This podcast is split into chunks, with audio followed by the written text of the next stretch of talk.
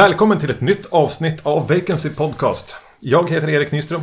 Och jag heter Magnus Johansson. Och i det här avsnittet ska vi få svar på 80-talets skolgårdars viktigaste fråga. Är du en syntare eller en hårdrockare? Och vi ska göra det tillsammans med Panos Cosmatos filmer.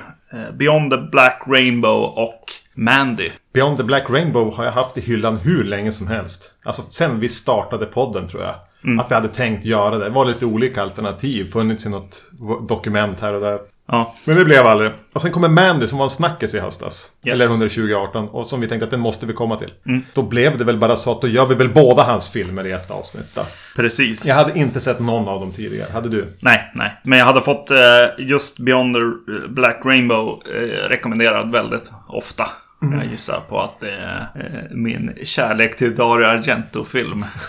som eh, som eh, fick folk att tänka att jag skulle gilla den här filmen. Ja, vi får väl se om vi är syntare eller hårdrockare. Mm. Cosmatos, här, Panos Cosmatos, är son till George P. Cosmatos. Känd för att ha regisserat på den andra Rambo-filmen tror jag. Cobra. Så vi har pratat om en Cosmatos-film. det är ju på- han. Ja, just det. Och sen Tombstone. Eh, han är död nu. Eh, men som jag förstår det så gjorde då sonen eh, lite grann Beyond the Black Rainbow med royalties från Tombstone på alltså DVD-försäljningen av den. eh, det, något ska väl göra med arvet. Just det, precis. Och det var väl ja, några år efter att pappa hade dött. Det finns ju på extra materialet av Cobra. Visst heter det så? Äh, Stallone-filmen. Ja, precis. Eh, Så finns det bakom kulisserna liksom material. Där de bara visar när de springer runt och filmar. Och eh, regissören här och hela teamet känns som arbetare verkligen. Det, det är som att gå till fabriken liksom och, och göra de här filmerna. Så hade, han fick lite mys, mys eh, respekt från min sida för han var sån Ja, där, spring dit, gör det! nu sätter vi igång tagning. Han var ingen Bergman eh, lidande konstnär. Nej, Pappa nej. Cosmatos. Kanske sonen är lite mer den lidande typen tror jag. Ja, precis. Det kan vi nog kanske se efter de här, känns det som. Vi börjar med Beyond the Black Rainbow. Som väl är, i grunden är en science fiction-film. Om en, ett en institution. Forskningsinstitution. Där en eh, ung kvinna hålls Eh, fången eller är ett experiment eller får någon slags behandling av eh, under övervakan från en läkare. Eh, allting är ganska stiliserat, flummigt. Det är en stilövning kan vi helt enkelt säga. Eh, det, det jag ville komma till var egentligen att det jag minns att jag hörde om den här filmen var att Cosmatos gjorde den lite som en hyllning till, eller som han mindes att när han var liten och gick i videobutiken, när han var så här 9-10 och tittade på alla videoomslag på skräckfilmer och science fiction och, sånt och fick ju inte se filmerna för pappa. Nej. Men, men han, så istället så fantiserade han som ihop hur han tänkte utifrån omslaget och där han kunde läsa på baksidan. Och det var den känslan han ville komma tillbaka till här. Va? Hur var de här filmerna som jag hittade på och fantiserade ihop att de skulle vara utifrån att titta på omslagen? Mm, just det. Ja, Tidigt 80-tal. just det. Jag tänker också på, eh, nu är vi kanske i 90-tal, men eh, Total Recall till exempel har ju ett väldigt slående Ja. eh, omslag. Så, Yes. så, så det var det eh, han, den känslan som sagt var han ville komma åt. Plus att han tydligen gjorde den här filmen lite grann för att bearbeta både, alltså båda hans föräldrar var döda vid det här laget. Så att den var lite av en sorgebearbetning där han försökte komma åt någon slags barndomsfantasi om den typen av filmer som han sen har kommer att älska. Ja, det känns ju också direkt som att han har sett en del film. också den här mannen. För den börjar, den öppnar ju med en, en eh, hyllning, skulle jag vilja säga, till Alien förtexterna. Årtalet kommer upp lite så här långsamt, sakta med eh, rejäl spacing mellan siffrorna. Och eh, ett, ett eh, dovt liksom, eh, soundtrack här. Så jag tänkte direkt på Alien när den, Ja, när det, de dök upp. det är nog meningen. Ja, 1983 är det som kommer fram i alla fall, då den, då den utspelas. Just det. Och, eh, och, ganska snabbt inpå så visar han en eh, infomercial egentligen. Om det här eh, labbet som det blev kanske. Ja. Eh, det är väl mer en reklam för typ något sektliknande nästan. Nå, något slags retreat. Eh, där man ska öppna sin, sina sinnen helt enkelt. Och bli en bättre, lyckligare människa. Ja. Eh, Och den får man väl som se- sen förstå att den är, gjordes eh, tidigare, typ på 60-talet. Just det, precis. Och eh, där, där i så skapas också en företagslogga för det här Arboria. Eh, som ju läkaren och grundaren heter här i efternamn. Mercurio Arborea. ja. och eh, den känns ju, doftar ju också Alien väldigt mycket. Så det är väl ingången för mig på något sätt. Som sen övergår i Stanley Kubricks 2001 influenser va? Ja, om vi ska sätta oss en stund och rabbla influenser så är det ju... Jag tänkte även på det här lite Blade Runner-drömska. Folk som tittar ut genom fönstret, tittar i ett fönster. Det är lite så här Ridley Scott-kompositioner. Det är Stanley Kubrick. Det är, ja men, egentligen så bara generell science fiction från 70-talet. Där det är ganska stiliserat allting. Det är mycket expressionistisk ljussättning. Det kan bara bli rött helt plötsligt. Det finns sekvenser som definitivt är italienska. Ehm, alltså Suspiria-vibbar. Och, och man kan även tänka på eh, modernare filmer som typ Ex-Machina. Är ju en film som är lite väl lik den här. Ja, just det. Precis. Just det. Eh, Och den kom ju efter. Och över det här ligger en ganska kitschig syntmusik. Som ju också då påminner en del om nu om man ska vara modern i det de nu bara nöter ner, ner i botten med typ eh, Stranger Things. Ja. Jättelik musik, men den här är ändå 5-6 år före med den här John Carpenteriga minimalistiska syntstötandet. Ganska stämningsfullt. Jag vet inte. Jag reagerar mest på det. Alltså det är ju mest yta alltså. Det är mest VHS-omslag I guess. Jag vet inte.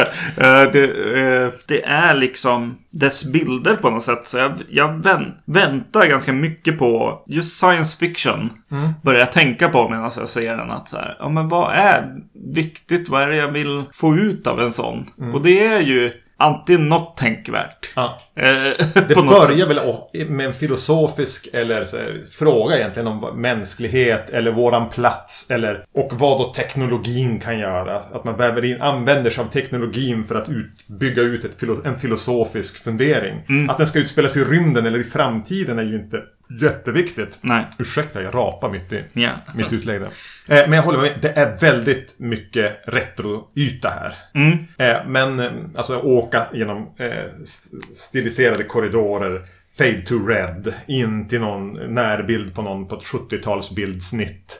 Som står stå och ser väldigt 70-talig ut. Ja, precis. Jo, precis. Han Barry som, som håller den här kvinnan. Dr. Nile. Barry Nile. Mm. Ja, som har den här kvinnan som han eh, intervjuar. Börjar kännas som någon slags eh, eh, psykolog för henne. Men jag vet inte vart han är på väg riktigt. Nej, riktigt. och, och, och vad är det med hon? Hon verkar mest vara rädd och förskräckt. Och kanske har hon någon, några förmågor. Ja, Den här eh, Dr. Nile är ju egentligen huvudpersonen. Och han är ju som en blandning mellan en, att bara sitta och se ondskefull ut. Ja. Med att se lite påtänd ut, med att se ganska rädd ut. Ja. Man blir ju aldrig riktigt klok på honom. Man har ju ett intressant eh, utseende. Lite William Fichtner möter Peter Cushing. ja just det. Ja, vad roligt. För jag hade Marilyn Manson möter Christian Bale. Så nu har vi fyra koordinater här. Nu vet vi precis hur han ser ut. yes, exakt. Det, ja, alltså. Det är ganska långsamt också. Hur gick det för dig? Nej, jag, alltså jag kom inte in riktigt här. Det är liksom snyggt och så, men jag börjar tänka så här, oj vad grynigt det är. Eller? Nej. Ja, det är grynigt ibland. som en effekt, inte som att han har filmat den med film. Jo, nu är den filmad på film. Ja, jag är osäker. Jag tror att han bara har lagt det på. Ja. Precis som lensflaresen. Ska vi, ska vi kolla? ja, vi får nästan göra Vi det. gör en liten tech-check här. Jag tycker Ja. det ser ut som... Sen är det medvetet slitet ibland. Att det får vara lite... Ja, jo. Alltså dropouts och sånt. Ja. Det Eh, brukar det stå på IMDB vad den är fotad på. ja, precis. Jo, jo, det brukar det göra. Jag säger film, du säger digitalt. Ja. Beyond... Uh, du, du, du. Var? Technical specs. Aspect 230. Camera, Panavision, Panaflex Gold. Laboratory, Technicolor Creative Services. Negative format 35 mm. Jaha. Jag vinner. Ja, då vann du då. För jag tyckte att den eh, fluktuerade med hur mycket gryn och om den hade det eller inte och sådär. Jo men det, det gör den. Ja. Jag tror att det är lite grann för att det är en lågbudgetfilm. Ja, jo. Att ibland så har de ljusat mer och ibland har de ljusat mindre och så har de kanske korrigerat i post. Den är ju körd några varv genom labbet. Yes, yes, absolut. För jag vaggades ändå in i det här långsamma. Jag tyckte det var ganska trevligt att titta på. Med det här stämningsfullt. Eh, bara någon som står och tittar och bara åka med. För jag kunde, jag kunde komma in i det där. Det här känns inte som en riktig film. Det här känns som drömmen om en film. Och nu menar jag inte drömmen som i den perfekta filmen utan att jag hade en dröm. Jag såg en, en film halva och sen somnade jag och drömde resten eller någonting. Just det. Eller jag hade läst om en film och drömde ihop den. Alltså den har de kvaliteterna. Eh, Och när man då läser att det här var hans försök att återskapa ett barns fantasier om hur filmer kunde vara som skulle vara obehagliga och lite... Då är, tycker jag den är, alltså som ett sånt hantverk är den gedigen. Men samtidigt har den inte, jag känner inte att den har jättemycket att säga. Nej, precis. Det är ju problemet på något sätt. Jag tycker faktiskt att den tar sig efter en stund. Efter ett litet stund med så här att följa den här Barry-karaktären både hem och, och till, till de här intervjuerna med glasskiva mellan dem.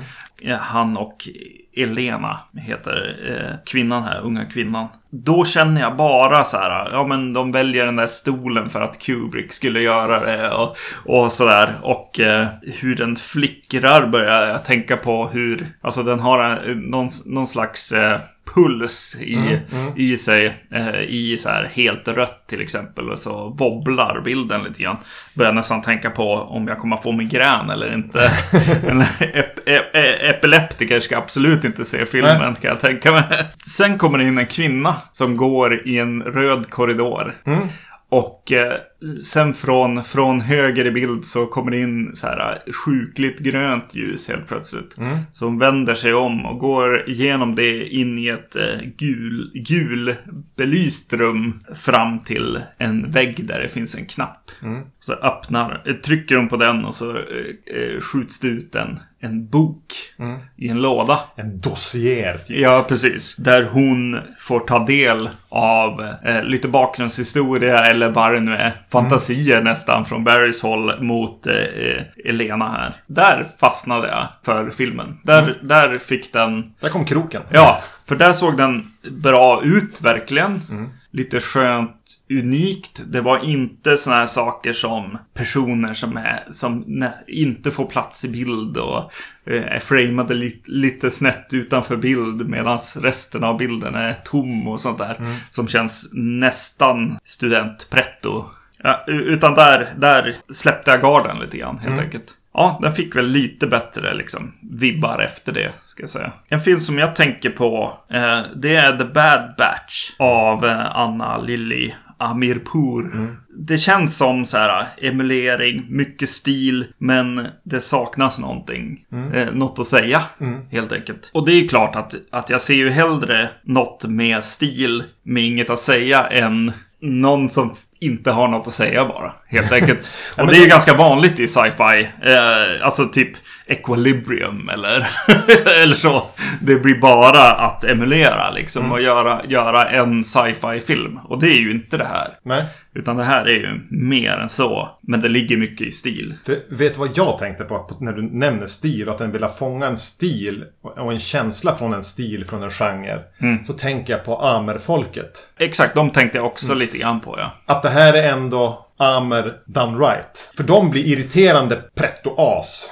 Så eh, tycker jag ändå att det finns här i den. Ja. Men den känns ändå mer, det, känns, det finns mer hjärta i, i Beyond the Black Rainbow än i, alltså okej, okay, Amen, men vad hette den där andra? Eh, just det, The Strange- Strange col- Colors of Your Body's Tears. Ja. Den var ju vedervärdig. Ja. För det var bara en, en högfärdig, snobbig uppvisning. Ja. Det här finns det mycket mer hjärta och kärlek i. Och, och Mm. jag försökte som se vad, vad är skillnaden där, men det är jättesvårt. För de, är, de påminner så pass mycket om varann. Ja. Eh, Eh, jo, absolut, det gör det ju. Där är jag bara en side-note. Den här senaste, Let the Corpses Tan, eller Ja. vad den heter. Den är lite bättre Ja, igen. jag hörde någonting om det på någon podd jag lyssnade på som Ja. tyckte mycket om den. Ja, precis. Ja, den, den är lite skön i att den blir lite så rural, nästan western-aktig. Tillbaks till den här filmen. Och jag tror, för att hoppa händelserna i förväg här, så tror jag att, att sci-fi är svår. Kanske precis som eh, The Bad Batch, att, att postapo och sci-fi är genrer som bör prata om någonting. Mer än vad den här gör. Sen kan det vara så att han har velat prata om någonting. För jag fick lite vibbar av det ibland. Men det, det, det är så formulerat på ett sätt som jag inte förstår i sådana fall. Jag får inte tag i det. Jag, Nej. tänkte, jag tänkte på det när jag såg Mandy sen. Att den ut, de utspelar samma år.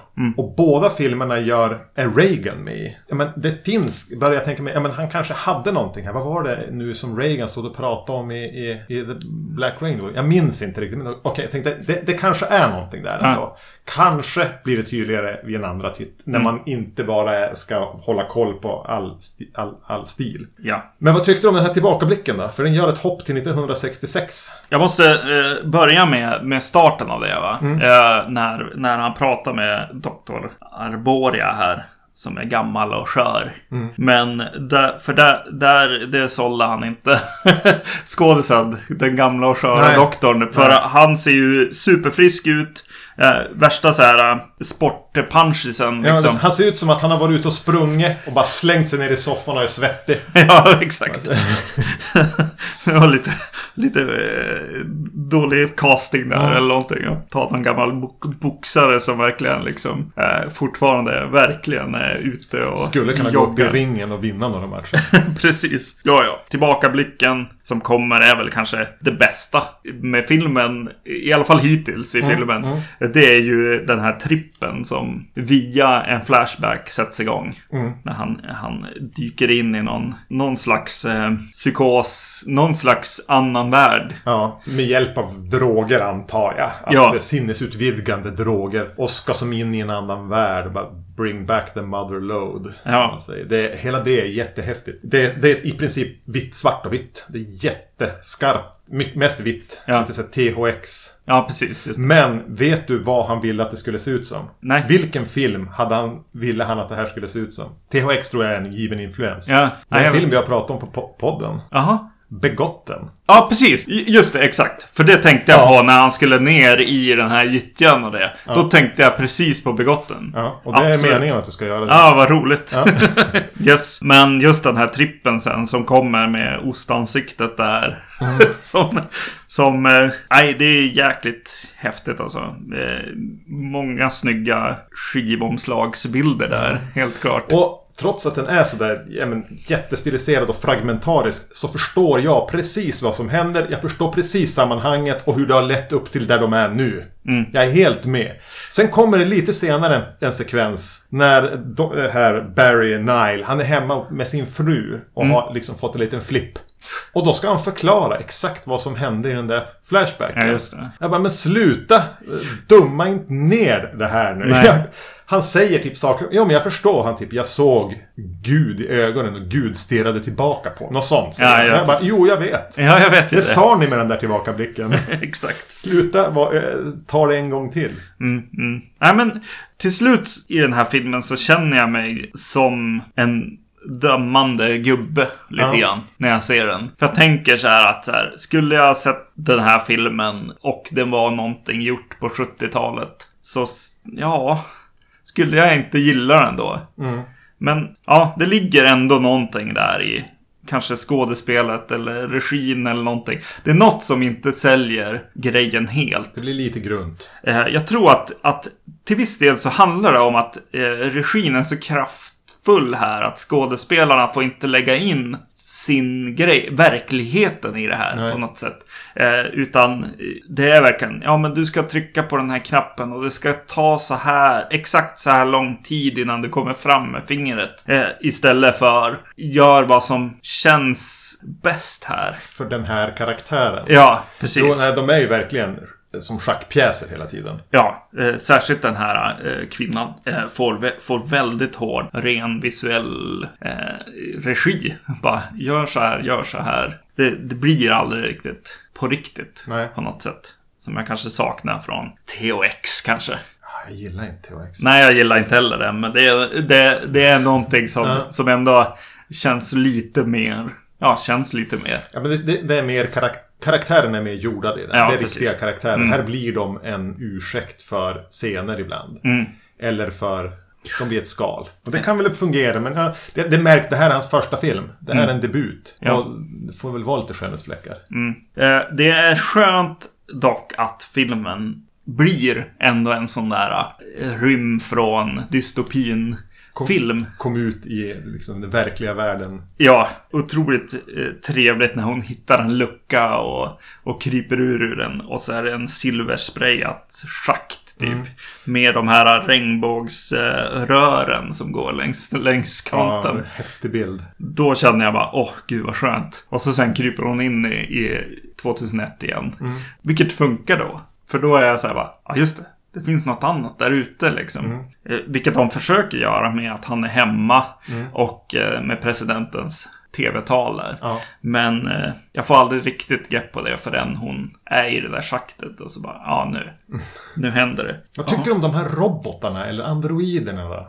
De Röda dräkterna. Mm. Nej men det gillar jag också. Ja. Det, alltså jag gillar ju, jag gillar mycket av det visuella, absolut. Mm. Eh, Jag tyckte de var, det är någon scen, de får nästan en musikvideo. Ja, Han startar dem för de får gå in till henne och typ söva henne eller någonting. Mm. Och jag först, det blir liksom Activate bla bla bla droids eller vad de heter. Ja. Notes, någonting Sensonotes eller någonting tror jag de heter. och då får de typ en lite rök och, och en eh, speciell låt. ja. Ska de som gå coolt i någon korridor. Eller det blir en till slut. Så dyker den upp i slutet och tar av sig masken. Ja, det han är ganska otäck i det. Ja, det var, det var ganska otäckt. Eh, skönt att göra payoffen där Mm. också. Och eh, den känns bra tajmad och nog lång liksom. Hur länge han ligger på, på ansiktet här. Ja, alltså den tog sig väl lite. Mm. Men jag känner hela tiden att det, det, man kan bara sätta igång en syntskiva och visa de här bilderna på något sätt. det är ju bara det. Ja, jag gillar den mer än så. Alltså Ja. jag var med i, i det här meditativa. Mm. Det är ju som en, en, en resa. Ja. En bildresa med musik. Och kommer man in i rätt puls så, så är, det rätt skönt. Jag gillade den här Barry Nile-doktorn. Rätt sorts ondskefulla utseende. Mm. Men jag saknade också riktigt någonting att ta tag i. Mm. Jag gillade även musiken måste jag säga. Jo, den är bra. Och just att det kändes, jag gillade känslan, men vänta nu, du var före alla de här jävla retrorunkarna som är igång nu. Ja, just det. Ja, men överlag också. Alltså, de här som stod med i, i undertexterna här. Elect, eh, electronic Bass och Mm. Electronic Hum och sånt. Mm. Alltså ljudbilden är ju rätt för filmen, helt klart. Olika hums och basses för olika rum. Ja. Vilket är lite trevligt för sån här sci-fi helt enkelt. Det var väldigt kul att efter eftertexterna så slutar den med en bild på en av de här väktarna eller robotarna eller vad de är. Liggandes på golvet som en actionfigur. Ja. Det gillade jag väldigt mycket eftersom att jag i vissa scener så såg han här Barry ut som eh, just efter sin eh, klädbytet. Ja. Ser väldigt mycket ut som, som en actionfigur just. Mm. Med lite stora kläder och så här. De måste sitta så där. det går inte att sy annorlunda för actionfigurer helt enkelt. ja, jag tycker man kan se det. Definitivt. Ja, men absolut. Ska se det. Och jag rekommenderar definitivt att göra som vi gjorde. Se, gör en dubbeldate, höll jag på att säga, med Mandy Ja. från 2018. Och, se- och se båda helt enkelt. Eh, För här finns det mycket som pratas om som är samma sak. Mandy hjälper Beyond the Black- Rainbow en hel del med sin eh, tematik och, och vad den pratade om. För det är överfört här i, i en annan eh, skrud helt enkelt. Som väl är just eh, min, min fråga där i början. Är du syntare eller hårdrockare lite grann? Att den här förflyttar den här typen av, av historia till en mer hårdrockig stämning. Det är vä- vägar ute på landsbygden och, och så. Det är inte den här instängda, syntiga, hårda grejen med glas, glasskivor emellan människor. Landsvägar och hämnd. ja. Ja, men det är en, eh, kort och gott en hämndhistoria där Nicolas Cage hämnas vad som ett, ett gäng eh, Jesus freaks Mm. gör med hans eh, käresta. Mm. det är Det historien. är, det är historien. Yes. Det här var ju, var ju en snackis, ska man bara säga. Det var, Ja. Sen trailern dök upp och den gick på den här filmfestivalen du brukar gå på men du missade den. Ja, Eh, precis. den var, sålde nog ut ganska snabbt också. Mm. Och jag hade sett trailern. Min, mina minnen av trailern och att det jag förväntade mig var liksom en psykedelisk tripp med en sån här bindgalen skrikande Nicolas Cage. Jag tänkte på, vad heter den här? Drive Angry som han Ja. gjorde. Den fast med av William Reffen. Ja, precis. Exakt. Yes. Den här öppnar ju med ett, ett kärlekspar som bor i, ute i skogen. Eh, Det är Nicolas Cage och hans eh, fru, tjej, Mandy. Nu sa jag Nicolas Cage. Han får heta det. Ja, Red heter. Men, Red heter han. men det är Nicolas Cage.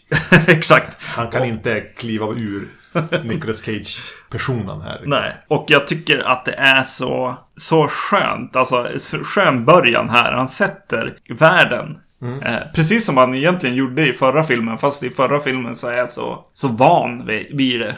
Så här, ja men det här är ju sci-fi, kyligt, eh, som sagt glas emellan människor.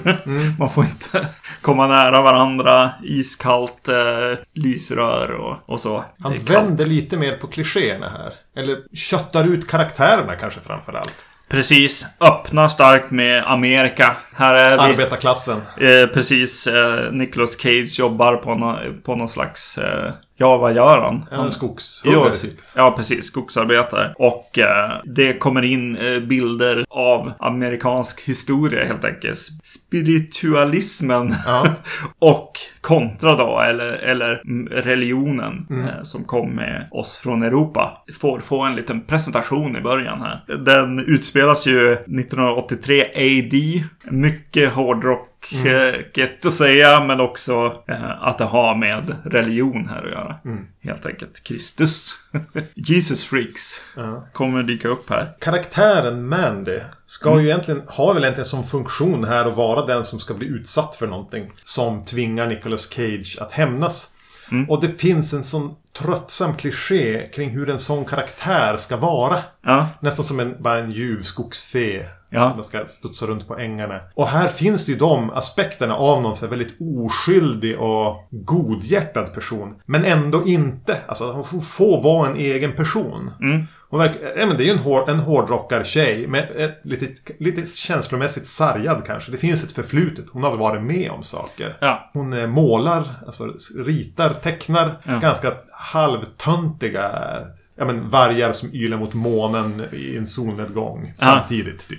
Lite lökiga sådana där. Sån estetik. Och det är mycket, de pratar om planeter och det, hon är ute och går i skogen och ser ett rådjur som dör. Alltså det, Mm. det blir som ett mischmasch av lite kitsch och, men ändå med ett hjärta där. Alltså att hon Mm. får bli någonting som är på riktigt. Nej, precis. Och, eh, och här också med första interaktionen egentligen. Eller ja, första. Men det finns någon, någonting här som, som speglas, tycker jag, från förra filmen. Det är det här kalla, när de sitter där i sitt möte. G- Gary heter han så. Och eh, Elena. Ja, Barry. Barry Jag och visste inte Elena. vilken film det var där. Ja, eh, sitter och har sitt möte där med en, en glasskiva. Båda sit, han sitter i en fåtölj, hon sitter i, i en liten kall plaststol. Mm, det där Kubrisk iskylan. Precis. Och här när de möts så ligger de i, i sängen med, med sängen med glas runt hela sängen eh, ut till skogen bakom dem och de, de ligger och kramas under täcket. Det, det finns en, en hård kontrast där med värmen i den här filmen och kylan i den förra. Men det blev också en sån här film där jag så här kan vi sätta igång båda de här och se dem parallellt? Undrar vad som skulle hända då? Det, det undrade jag mycket, särskilt här i början av filmen. Det kändes för mig i alla fall som att han jobbar med det här som en uppföljare eller en kommentar på den andra filmen. Ja, vidareutvecklingen. Ja, de, de hör ihop. Det känns som att det kommer en tredje, ska komma en tredje film också. Ja, just det. Ja. Att det här är en trilogi egentligen. Han vet nog inte om det själv, men det är sen vi... Han kommer att ljuga ihop det i efterhand, att det var så det var tänkt. Yes. Och ja, men hur den ser ut, den är ju också väldigt noggrant fotad ändå. Eh, och det är väldigt mycket färgkorrigeringar, ljussättningar. Det får bli drömskt och flummigt. Och vad ska man säga, lila är väl som den återkommande känslan. Mm, precis. Det är ju också härligt hur han kan ljussätta liksom skogen helt röd bara genom att parkera en bil eh, och låta liksom baklyktorna verkligen lysa upp en hel skog bakom dem liksom. det är lite häftigt. Och, och väldigt mycket lensflares. Ja, jo. Små, jag läste att han, han älskar att rikta små LED-lampor in i kameror. Jaha. För att få till så att det ska som, men inte just för lensflarens skull utan för att det ska bli så mjukt och luddigt i kanterna som det Ja, just blir. det. Och den tar ju sin goda tid här också. Det, det är ju inte bråttom in. Den är ju två timmar. Mm. Eh, och det läggs ju tid på det här. Ja, men lite musikvideo. Och även här syntmattor. Precis. Med, med lite inslag av gitarr. Mm. Ja, men det är som nästan lite grann synt som spelar hårdrock på något vis. Mm. Och så har han ju ett roligt grepp här också med när, när han har presenterat eh, den här eh, sekten som dyker upp. Eh, då får de en logga på skärmen. Children of the New Dawn. Står det med så här eh, väldigt så här slir, slingrig text och så där. Och innan det har de ju presenterat där de är som någonting, någonting mountain. Det är som att det är kapitel eller? Ja, precis. Med, med väldigt eh, grandiosa loggor. Lite så Stranger Things, Stephen King typsnitt på Children, bla bla bla, på sekten. Just det. Sekten är väldigt Stephen Kingig, måste man väl säga. Mm. Som har läst en del. Stephen King. Mm. Var, var... Ja! Innan de dyker upp så har Reagan varit med igen. Ja. Och den här gången tänkte jag på vad han pratade om. Ja, Och här pratar han om att det är någonting nytt på väg in. Det här i, i USA, typ konservatismens återkomst. Vi ser mer folk som är emot eh, pornografi och aborter. Alltså att de pratar om en ny andligheten som kommer. Det är det Just han står och pratar om. Och sen kommer den här sekten. Just Som det. är en sån här Charles Manson-sekt egentligen. Då, då eh, kommer jag plötsligt ihåg vad han pratade om i förra filmen. Och det var ju ryssens, eh, liksom, hur, hur eh, Sovjet... Eh, Just det, va, de var, va, Va- vapenutveckling var i takt med dem. Så. Ja, Det- precis. Skräcken var det mer fråga om där. yes, yes. Mm. Ja, de här, den här sekten ser ju då Mandy gå vid sidan av vägen som hon gör. Mm. Eh, och han sektledaren får ju upp ögonen för henne. Mm. Han eh, tycker sig att hon, hon kallar på honom. Han är ju egentligen bara, ja, men han är ju en Charles Manson typ. Ett Ja. stort ego. Han spelar till och med in egen musik.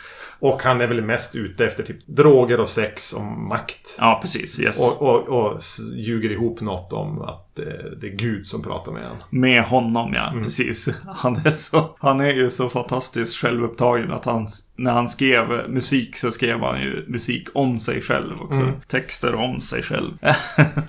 Det är lite roligt. Men just hur de då kommer igång här. Nu börjar ju eh, hårdrocks liksom omslagen då kanske istället för VHS-omslagen här.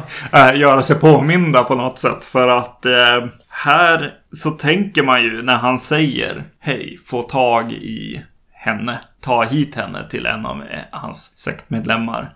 Så tänker man ju att ja, men de kommer ju röva bort henne eller någonting liksom. Men då tar han fram något slags instrument.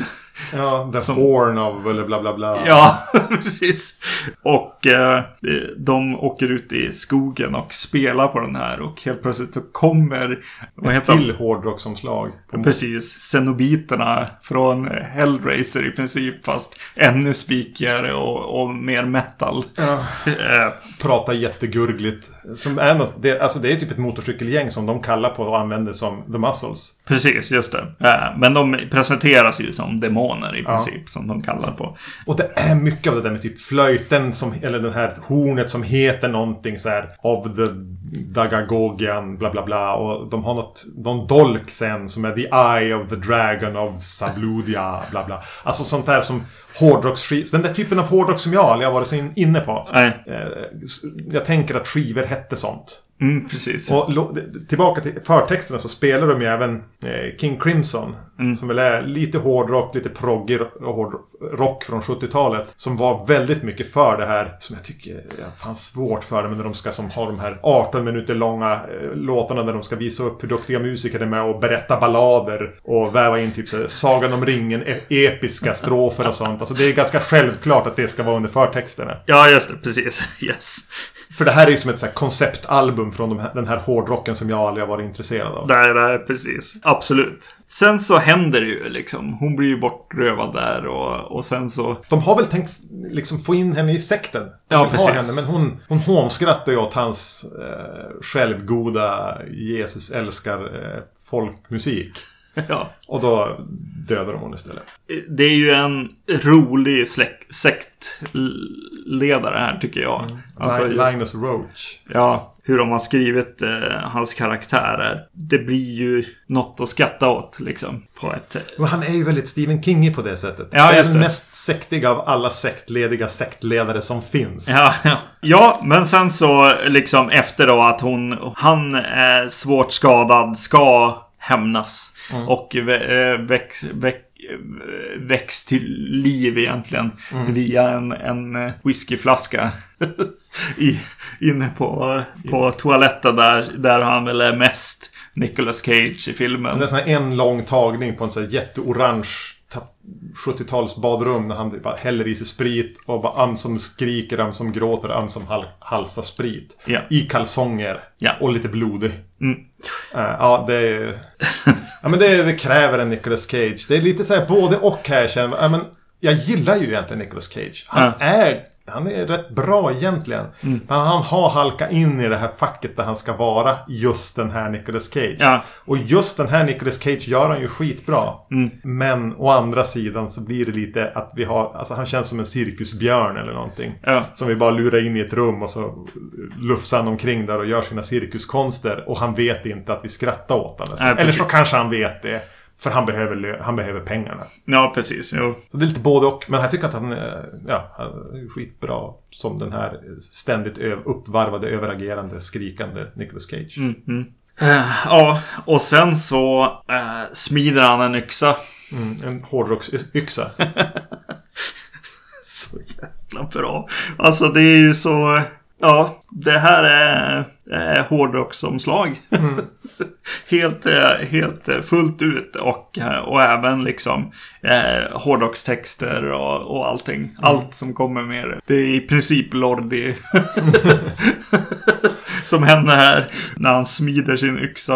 Eh, Och ska ut och hämta sitt armborst och ska ut och jaga motorcykelgängsdemoner. Mm, Eh, Det blir rätt grabbigt också. Ja, ja precis. Jo, det blir det ju. Han hälsar på Bill Duke på vägen. Ja, just det. Det är ju alltid trevligt att se Ja, honom. ja, ja, men det är my- hög mysfaktor på Bill Duke.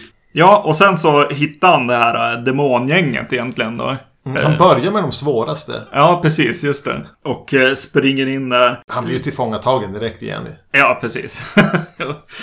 och eh, har blivit fast eh, eh, spikad i golvet och eh, fast i ett rör där också med, med handklovar. Eh, och eh, där kommer ju någon, någon sån där eh, Cenobit. Cenobit och eh, pratar med han lite grann.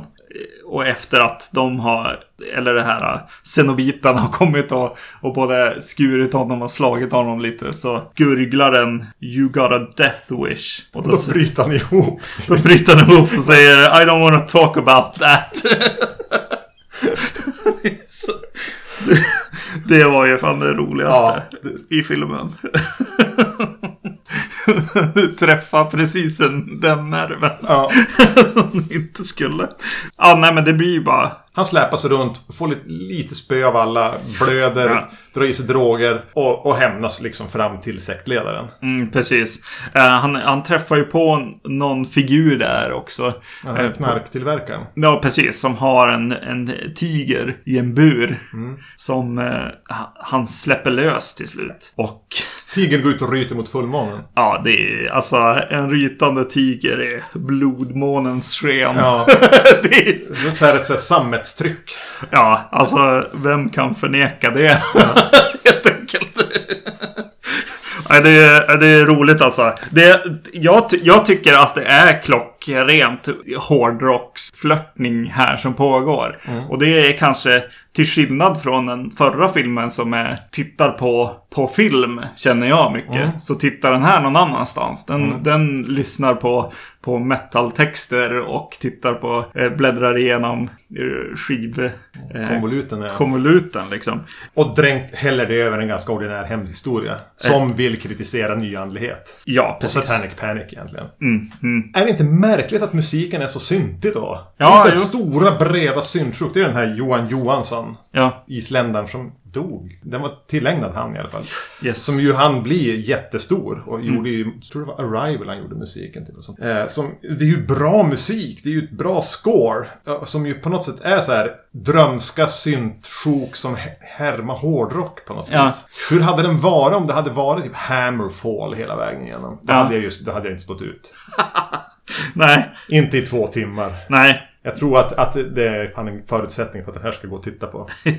ja. Jag har svårt för hårdrock i film överlag. Det enda som den gör som jag kände så här är lite synd eh, med tanke på hur visuell och hur mycket den, eh, den målar med sina bilder själv. Så väljer han att ta in lite tecknade sekvenser. Mm. Och de är inte alls snygga. Jag tänkte på den här heavy metal-filmen hela tiden. Jo, men alltså. Är det det det är meningen att man ska göra? Det är det nog. Plus att det ska vara en liten koppling till hennes tecknande. Ja, men både hennes tecknande och heavy metal-filmerna är mycket snyggare än det som görs här. Ja, det känns lite billigt. Eh, det, det här betalar de lite för lite pengar för att göra. Jag skulle definitivt ha klippt bort det för han målar så, så målande bilder själv liksom med de, det vi får se här. Ja, alltså de gjorde väl inte till eller från, men jag köper det, vad du säger. Det som blev problemet för mig var ändå att jag under andra halvan av filmen när han är, är igång och hämnas så är det lite, jaha, en till hämndrulle. Ja, just det. Precis. Jo. Och att jag blev inte mer, alltså med tanke på hur ändå den lyckas bygga upp karaktären Mandy och jag ändå gillar Nicolas Cage så blev det som bara en frustande blodig snubbe som springer runt med en yxa. Eh, och jag vet att han kommer att hämnas på alla. Men det här är ungefär som jag kände för förra filmen. Att så här, ja vi åker igenom en annan blinkande korridor. Och hon, hon gråter och skakar i ett hörn igen liksom. Eh, Jag vet ungefär vad, jag, vad det här är för någonting nu redan. Så för mig tilltalar ju det här. Du är mer. hårdrockare jag är synter alltså. Ja, det är det vi får komma fram till helt enkelt. Hade ju varit en bra slutpunkt, men tog jag den lite tidigt kanske. Nej, jag vet inte. Det var Oj, jag så mycket med. Nej. Yes. Jag hade två, för jag tänkte på två regissörer när jag såg den här. Mm. Tänkte du, var det någonting du tänkte att det här väckte tankar på? Eller två, några filmer ja, från de regissörerna eller så? Mm, Kanske. Du får hjälpa mig. Jag, jag tänkte på Rob Zombie. Mm. Och kanske framförallt Lords of Salem.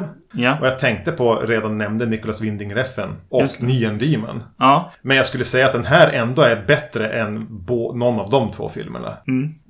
Den, eh, ja men pricka in det mer visuellt för mig. Den är lite in, bättre sk- agerad. Mm. Hypnotisera mer. Ja. Eh, och det är väl någonting som både jag tycker att Black Rainbow och Mandy har, så har de lite den här hypnotiserande effekten. Mm. Black Rainbow är mer meditativ. Jag gillade den här lite transtillståndet. Yes. Det här är mer som du säger eh, gitarrsolon. Mm. Eh, och, men jag, jag blev lite matt och less bara på det här hugga, eh, hämnas, yxa, blodsprutande. Mm. Jaha, en gång till. Jag tycker att det är mycket trevligt slutkläm på den här också innan, innan eftertexterna rullar. Där det verkligen är övertydligt att den har utspelat sig i en, en eh, hårdrocks skivomslagsvärld. Ja, ja, när kameran glider iväg och det är Ja, skog och precis. klipporna här som... Ja, Och den här typen av hårdrock som fantasy-hårdrocken. ja precis, exakt. Ja. Den man inte har lyssnat på så mycket. Nej. Men det är ju Man of War-omslag liksom. Ja. Sådana grejer liksom som, som gäller här. Ja, den här var mycket mer någonting jag inte hade sett.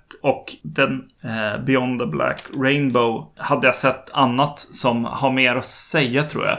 Som gjorde att jag sökte mer efter något annat liksom. Medan här, här sökte jag, alltså hämndfilm är hämndfilm liksom. Ja. Det, det, den levererar det den ska också. Jo, och det gör den ju. Och kanske var jag just ikväll mer på ett humör för att drömma mig bort i liksom en Kubrick-värld. Ja, Med, med schysst John Carpenter-musik. Än vad jag var att så här, gitarrsolon med Nicolas Cage. det, det är kanske så. Jag ser fram emot den tredje delen i den här trilogin. Just det. Eh, Jag tycker eh, absolut att vi har hittat en regissör som kan göra film. Det är trevliga exerciser båda två. Ja. Trots att det blir, jag tänkte på det när vi skulle börja se, det här är någon som gör pengar med, gör film med pappas pengar. Ja, just det. Okej. Det är ju inte så jävla sex, liksom. Men jag har, bara, titta bara på en bild på hur han ser ut, Panos Cosmatos, så tycker man genast bättre om han. Okej. Det är mitt tips. Börjar du känna någon aversion mot att det här är en rikemansunge som gör film, bildgoogla han. Ja. Så går det över. Okej. Och han är halvsvensk. Mamman var svensk för det. Ah, okej. Det var någon s- svensk. Eh, Vilken av dem? Var det Black Rainbow som var For Birgitta? Ja, just det. Ja. Mm. Eh, Han har fortfarande inte gjort något till sin pappa. Nej, Det är tredje. det tredje kommer bli någon slags actionrulle. Ja, men det här var ju ganska mycket action. Sci-fi, skräck-action. Mm. Hmm. Tänker att det blir någon monsterfilm då kanske. Ja, eller liksom någon, någon sportfilm där. De dål, det lite sämre laget får kämpa sig upp och vinna i slutändan. Ja, det vore ju fantastiskt. Ja. Värsta gänget. Ja. ja, ja. Ja, men du, kul! Yes. Eh, jättekul att se. Trots att det är en sittning alltså. Det är nästan fyra timmar film det här. Mm. Så eh, kudos till oss som lyckades klämma in det i våra liv. Ja. Nu har jag tänkt kuppa igen. Jaha. Som jag gjorde en gång. Ah shit, jag var på väg också. Men okej. Ja. Hur- Vad hade du tänkt göra? för Nej, nej, nej. det vet du nästan. För jag hade tänkt att du skulle få välja nästa avsnitt. Okej, bland några val. Och jag har gjort en lista. Ja. Jag ska ta fram den här. Eh, Det är eh, sex avsnitt du har att välja mellan här. Så jag har, tar fram en lista i min telefon som jag ger till dig nu. Och då ska du välja ett som blir vårt nästa avsnitt. Det blir eh, Quatermass-filmerna. Ah, Jag förstod nästan det. Jag hoppades även det lite grann. Ja. Nu blir det 50-tal brittisk sci-fi. Mm. Ja, Nigel Kneal. Gnil. Igen, ja. Ja. Yes. Det blir nästa avsnitt. Och hade du någonting på lager? Nej. Nej, ingenting. Eh, kom ihåg att vi finns på Spotify. Eh, följ oss gärna där så vi kommer upp. Jag antar att de också har såna här diffusa eh, algoritmer som gör att man klättrar upp på listor och sånt. Ja. Jag är så nöjd att man kan söka på skräckfilm och få oss på topp där. Ja. Yes.